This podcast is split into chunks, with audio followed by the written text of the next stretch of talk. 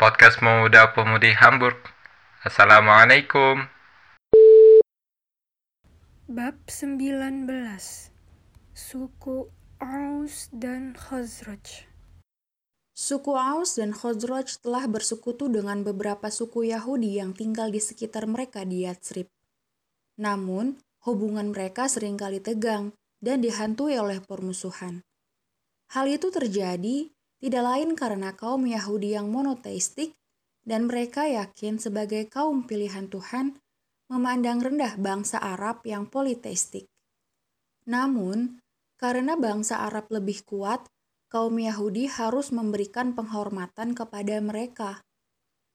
Pada saat-saat berseteru dan putus asa, kaum Yahudi berkata, "Kini waktu diutusnya seorang nabi telah tiba. Dengan kehadirannya, kami akan membantai kalian seperti kaum Ad dan Iram yang terbantai. Pada saat Nabi akan datang, para rabi dan dukun mereka senantiasa menuju ke arah Yaman yang dari tempat mereka searah dengan Mekah. Oleh sebab itu, ketika bangsa Arab Yatsrib mendengar bahwa seorang lelaki di Mekah mendeklarasikan dirinya sebagai nabi, mereka membuka telinga lebar-lebar. Dan Ketika diberitahu tentang ajaran yang dibawanya, mereka semakin tertarik. Sebab mereka telah mengenal beberapa dasar dari agama Ortodoks. Pada saat-saat sedang bersahabat, kaum Yahudi kerap berbicara kepada mereka tentang keesaan Tuhan dan tentang tujuan akhir hidup manusia, dan juga mereka bersama-sama mendiskusikan persoalan-persoalan ini. Ide tentang kebangkitan setelah mati sulit diterima oleh para penganut politeisme Yatsrib tersebut.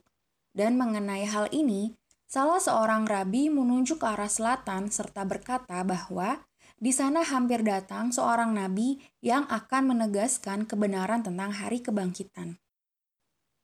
Namun, kesiapan bangsa Arab Yatsrib yang lebih dalam untuk mendengar berita dari Mekah itu telah muncul.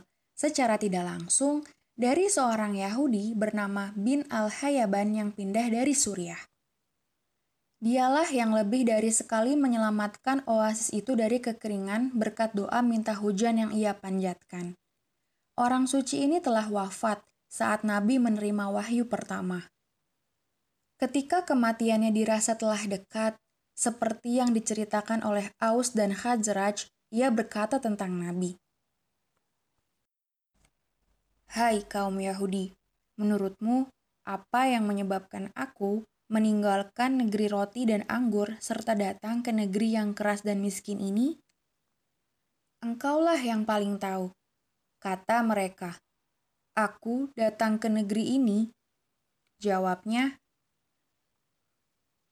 karena mengharapkan kehadiran seorang nabi yang hampir tiba.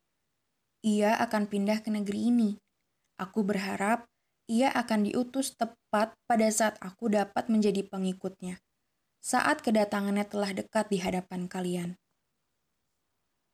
Ucapannya itu amat tertanam dalam hati para pemuda Yahudi yang mendengarkannya, dan mereka yang dapat menerima Nabi bila waktunya tiba, meskipun ia bukan Yahudi.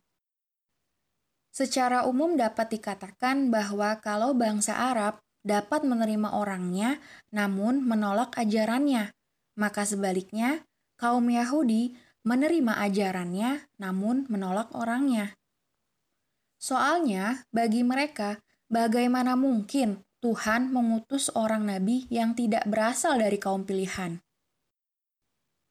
Meski demikian, saat para peziarah kembali ke Yatsrib dan membawa berita tentang nabi, kaum Yahudi merasa tertarik dan dengan penuh semangat bertanya lebih detail.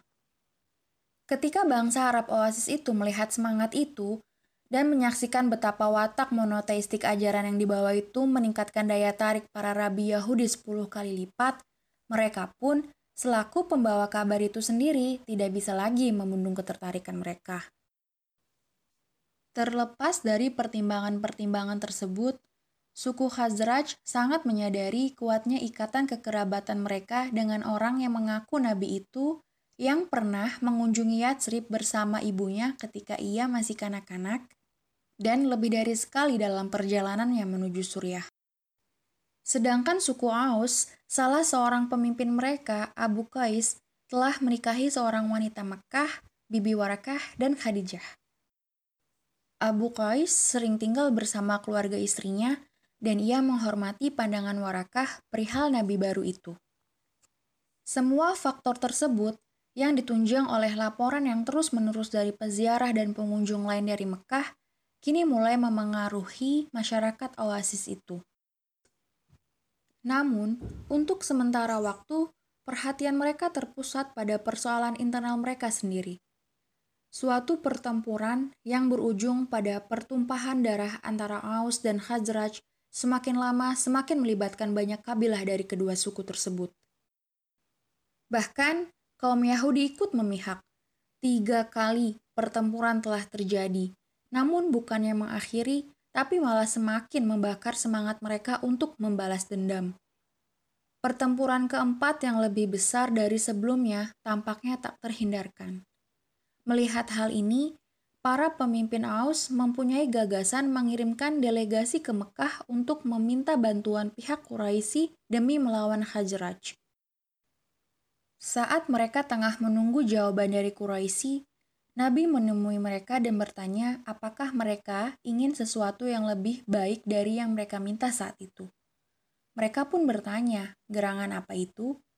Dan beliau memberitahu mereka tentang misi dan agama yang diperintahkan untuk disampaikan. Lalu, beliau membacakan kepada mereka beberapa ayat Al-Quran. Seusai beliau membaca, seorang pemuda bernama Iyas, putra Muaz, berseru, Demi Tuhan, ini lebih baik dari yang kalian minta.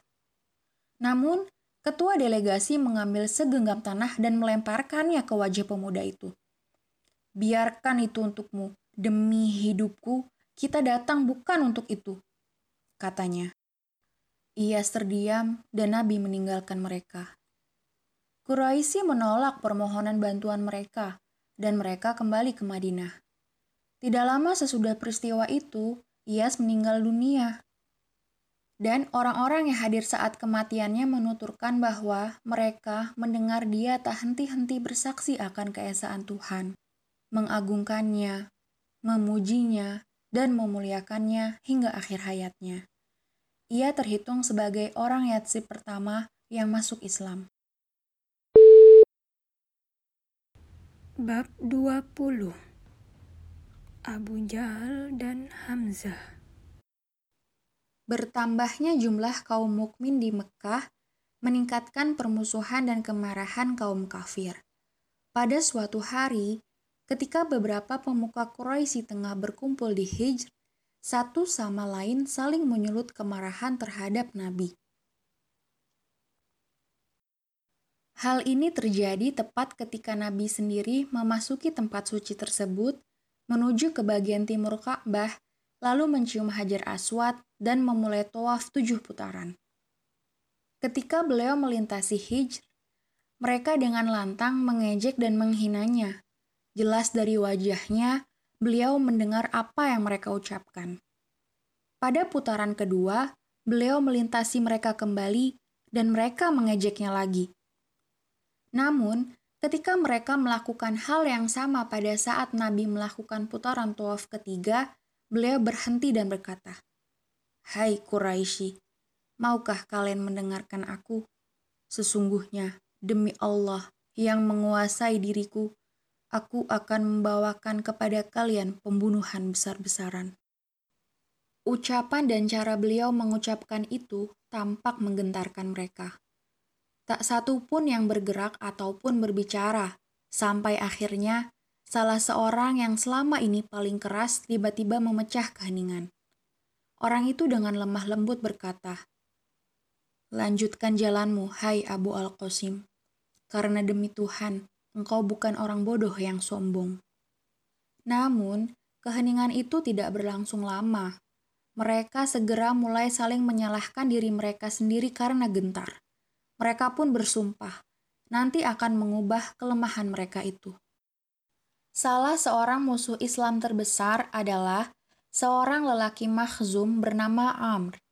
Di kalangan keluarga dan teman-temannya, ia dikenal sebagai Abu Al-Hakam, yang diganti oleh kaum muslim dengan julukan Abu Jahal, bapak kebodohan. Ia adalah cucu Mugiroh dan keponakan Walid, pemimpin kabilah yang kini telah sepuh. Abu Jahal merasa yakin bahwa ia akan menggantikan posisi pamannya. Ia telah memantapkan posisinya di Mekah lewat harta kekayaan dan keramahannya yang berpamrih. Ia juga menjadikan dirinya sebagai orang yang ditakuti karena kasar dan siap membalas dendam kepada siapa pun yang menentangnya. Ia menjadi orang yang paling getol di antara mereka yang berupaya menghalangi orang mendekati Mekah selama musim haji belakangan ini, dan paling keras membuat tuduhan kepada Nabi sebagai tukang sihir yang berbahaya. Ia juga paling aktif menyiksa kaum mukmin yang lemah dari kabilahnya sendiri dan menyarankan kabilah-kabilah lainnya untuk melakukan hal yang sama. Namun, suatu hari ia secara tidak langsung telah membuat agama baru itu menjadi besar. Nabi sedang duduk di luar masjid di dekat gerbang sofa, begitulah tempat itu diberi nama karena dilalui para jamaah untuk melaksanakan sa'i tujuh kali antara Bukit Sofa yang berada di dekat gerbang dan Bukit Marwah sekitar 411 meter ke arah utara. Sebuah lembah di dekat kaki bukit sofa menandai titik permulaan ritus tersebut. Ketika Abu Jahal lewat, Nabi sedang duduk sendirian di tempat itu. Ini merupakan kesempatan bagi orang makhzum itu untuk menunjukkan bahwa dirinya tidak takut. Sambil berdiri di hadapan Nabi, berkali-kali ia melontarkan berbagai ejekan. Beliau hanya menatapnya tanpa mengatakan sepatah kata pun. Akhirnya, setelah melontarkan fitnah terburuk yang terpikir olehnya, Abu Jahal masuk ke masjid bergabung dengan orang-orang Quraisy yang berkumpul di Hijr. Nabi dengan sedih bangkit, berdiri, dan pulang ke rumahnya. Baru saja beliau pergi, Hamzah muncul dari arah yang berlawanan sehabis pulang berburu dengan panah menggantung di pundaknya. Sudah menjadi kebiasaannya, seusai berburu, Sebelum menemui keluarganya, ia melakukan penghormatan ke rumah suci. Melihat Hamzah mendekat, seorang wanita keluar dari rumahnya di dekat gerbang sofa dan menemuinya. Wanita itu bekas budak keluarga almarhum Abd Allah bin Jud'an al-Toim. Orang yang 20 tahun lalu menjadi salah satu pemimpin yang memelopori perjanjian kehormatan Hilf al-Fudul. Keluarga Jud'an merupakan sepupu-sepupu Abu Bakar, dan wanita itu yang beriktikat baik terhadap Nabi dan agamanya marah atas penghinaan Abu Jahal, marah atas setiap ucapan yang didengarnya. Abu Umarah, serunya kepada Hamzah. Seandainya engkau menyaksikan bagaimana Muhammad putra saudaramu, diperlakukan oleh Abu Al-Hakam putra Hisham. Ia melihat Muhammad sedang duduk di sini. Kemudian ia mengejeknya dengan kata-kata kotor, lalu pergi meninggalkannya. Ia menunjuk ke arah masjid tempat ke mana Abu Jahal pergi. Dan Muhammad tidak menjawab sepatah kata pun. Hamzah bertabiat ramah dan mudah tersentuh. Ia paling pemberani di kalangan Quraisy dan jika diganggu, ia akan sangat tegas dan paling ditakuti. Kehormatannya kini diguncang oleh rasa marah yang belum pernah ia rasakan sebelumnya. Kemurkaannya itu menyesakkan jiwanya. Ia cepat-cepat melangkah ke dalam masjid dan langsung menemui Abu Jahal.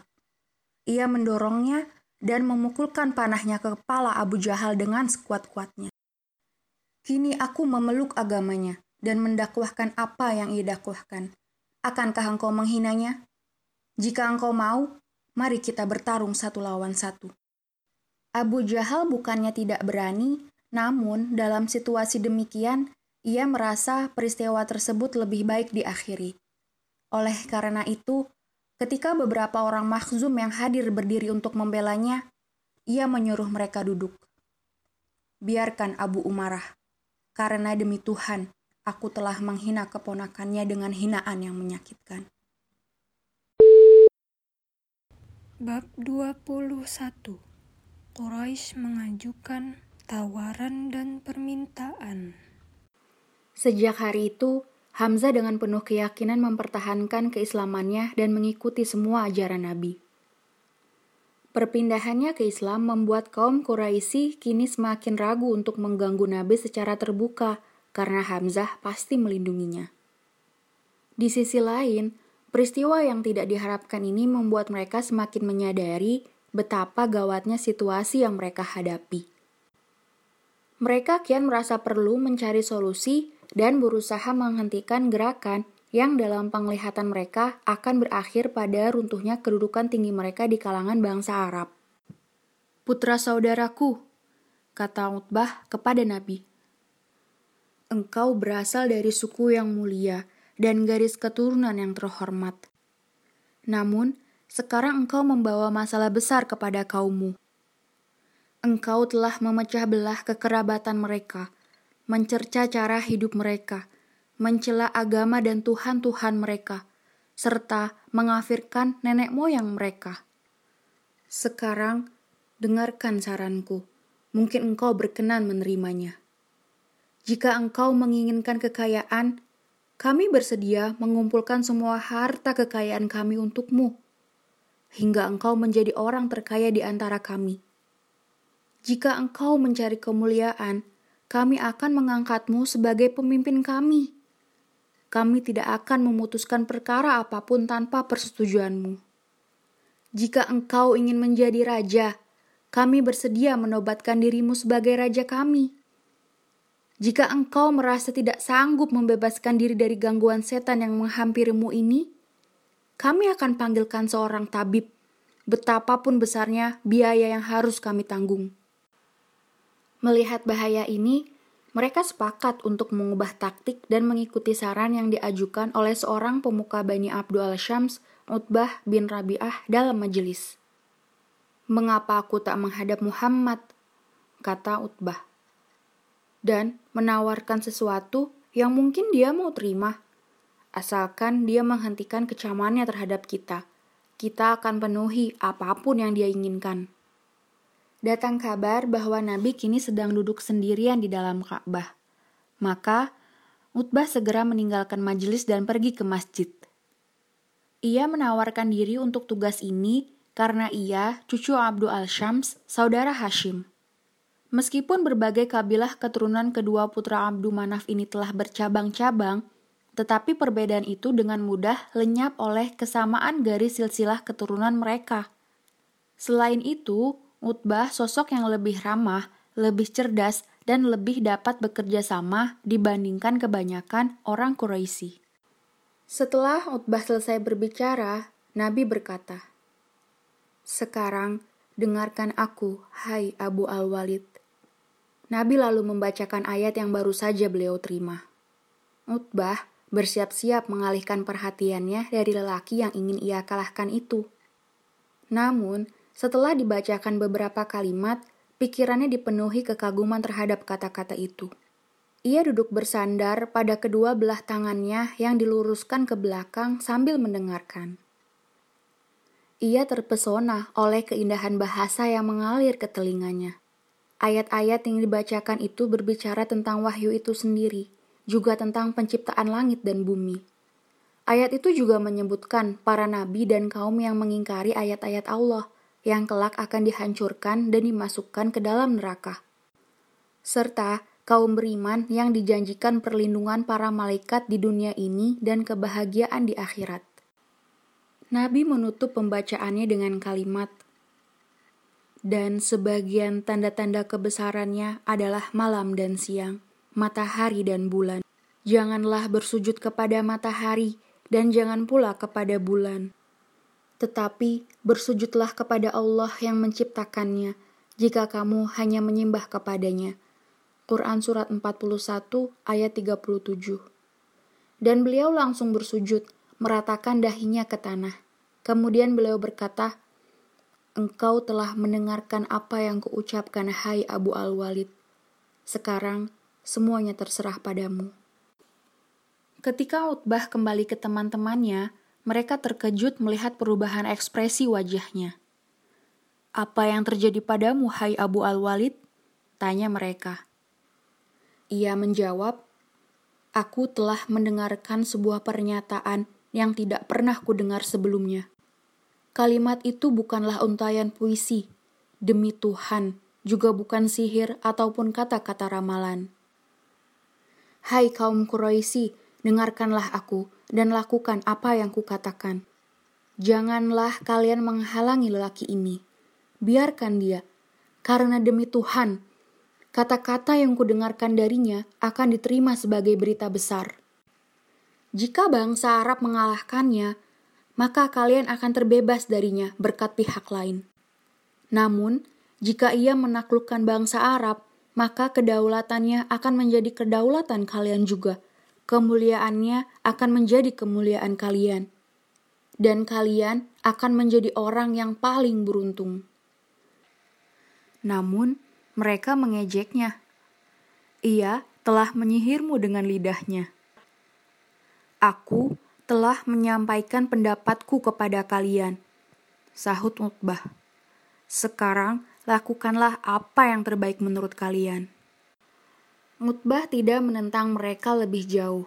Dampak ayat-ayat Al-Quran tersebut baginya bukan hanya sekedar kesan sesaat. Ketika itu, karena tidak memperoleh jawaban atas permintaan yang ia ajukan, salah seorang yang lain berkata, Marilah kita memanggil Muhammad untuk berbicara dan berdebat dengannya.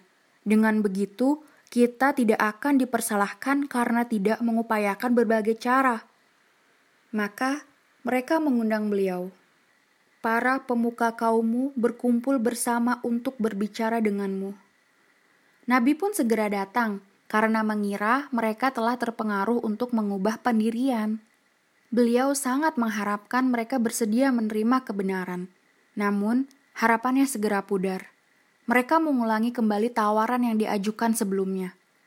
Setelah mereka selesai berbicara, beliau menjawab, "Aku tidak mencari harta kekayaan, tidak menginginkan kemuliaan di tengah kalian, dan tidak berhasrat menjadi raja kalian." Tetapi Allah telah mengutusku sebagai Rasulnya dan menurunkan kitab sucinya kepadaku. Aku diperintahkan agar menyampaikan kabar gembira dan peringatan kepada kalian. Karena itulah aku sampaikan ajaran Tuhanku dan nasihat baikku kepada kalian. Jika kalian mau menerima apa yang kubawa, maka kalian pasti beruntung di dunia ini dan di akhirat nanti. Tetapi jika kalian menolak ajaranku, maka aku akan bersabar menanti keputusan Allah di antara kita. Tanggapan mereka hanyalah kembali seperti semula. Mereka hanya mengatakan, jika beliau tidak menerima tawaran mereka, beliau mesti membuktikan bahwa dirinya memang seorang utusan Allah, dan beliau hendaknya juga melakukan sesuatu yang membuat hidup mereka lebih nyaman. Mintalah kepada Tuhanmu agar bukit-bukit yang mengelilingi kami ini digeser, sehingga tanah kami menjadi datar, serta sungai-sungai mengalir seperti di Suriah dan Irak. Mintalah kepada Tuhanmu agar nenek moyang kami dihidupkan kembali, termasuk Kushai, sehingga kami dapat bertanya, apakah yang kau katakan ini benar atau dusta? Atau jika tidak, mintalah sesuatu untuk memenangkan dirimu sendiri. Mintalah kepada Tuhanmu agar mengutus malaikat yang akan membuktikan kebenaran kata-katamu dan memastikan kebohongan kami. Dan mintalah kepadanya untuk memberi taman-taman, istana, emas, dan perak, sehingga kami dapat mengetahui ketinggian martabatmu di sisi Tuhanmu. Nabi menjawab dengan tegas, Aku tidak mau meminta semua itu kepada Tuhan. Aku tidak diutus untuk itu. Tuhan mengutusku untuk memberi peringatan dan kabar gembira. Mereka tidak mau mendengarkan dan berkata, "Kalau begitu, runtuhkanlah langit hingga berkeping-keping di atas kepala kami." Dengan maksud memperolok-olok ayat yang telah diturunkan, "Jika kami kehendaki, niscaya kami benamkan mereka di bumi." atau kami jatuhkan kepada mereka gumpalan dari langit. Quran Surat 34 ayat 9 Allah lah yang menentukan, jawab Nabi. Jika Allah berkehendak, dia akan melakukannya.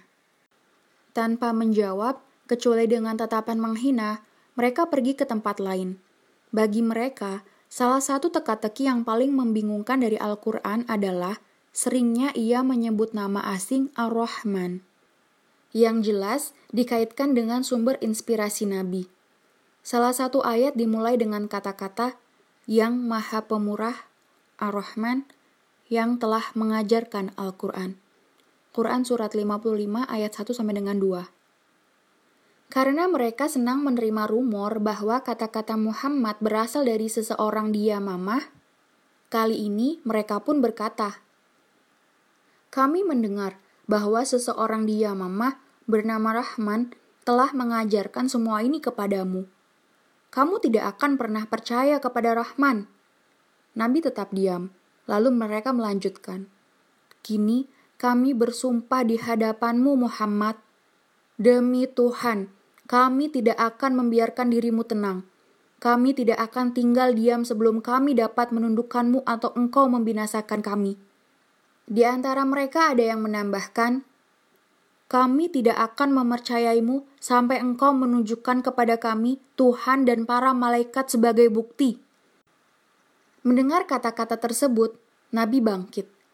Ketika beliau beranjak hendak meninggalkan mereka, Abdu Allah, putra Abu Umayyah dari Bani Makhzum juga berdiri dan berkata, Aku tidak akan mempercayaimu selamanya sebelum aku melihat sendiri engkau dapat naik mencapai langit, kemudian turun lagi ke bumi, membawa empat malaikat untuk membenarkan pengakuanmu. Kalau itu terjadi, aku baru mungkin mempercayaimu. Abdullah dari pihak ayahnya adalah sepupu Abu Jahal. Namun ibunya adalah Atikah, putri Abdu al-Muttalib. Dan Atikah menamai putranya itu dengan nama saudaranya, ayah Nabi. Mendengar kata-kata semacam itu dari kerabatnya sendiri, Nabi pulang dengan hati sedih dan pilu. Lebih sedih lagi, kini terbentang jarak yang jauh antara dirinya dan para pemimpin kaumnya. Sementara dari kabilah Makhzum, beliau setidaknya memiliki seorang pengikut, Abu Salamah, putra bibinya, Barrah. Kini datang bantuan tak terduga yang dapat memperkuat agama baru itu. Abu Salamah memiliki sepupu yang kaya raya dari pihak ayahnya bernama Arkam. Kakek mereka bersaudara. Arkam menemui Nabi, mengucapkan dua kalimat syahadat, La ilaha illallah Muhammadur Rasulullah.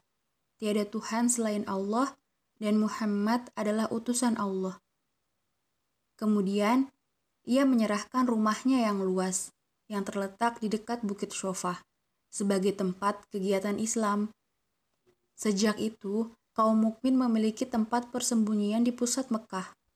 Di tempat itulah mereka dapat bertemu dan sholat bersama tanpa takut terlihat atau diganggu. Nah, gimana ceritanya menurut kalian? Penasaran dengan kelanjutannya? Tunggu di podcast episode berikutnya ya. Wassalamualaikum warahmatullahi wabarakatuh.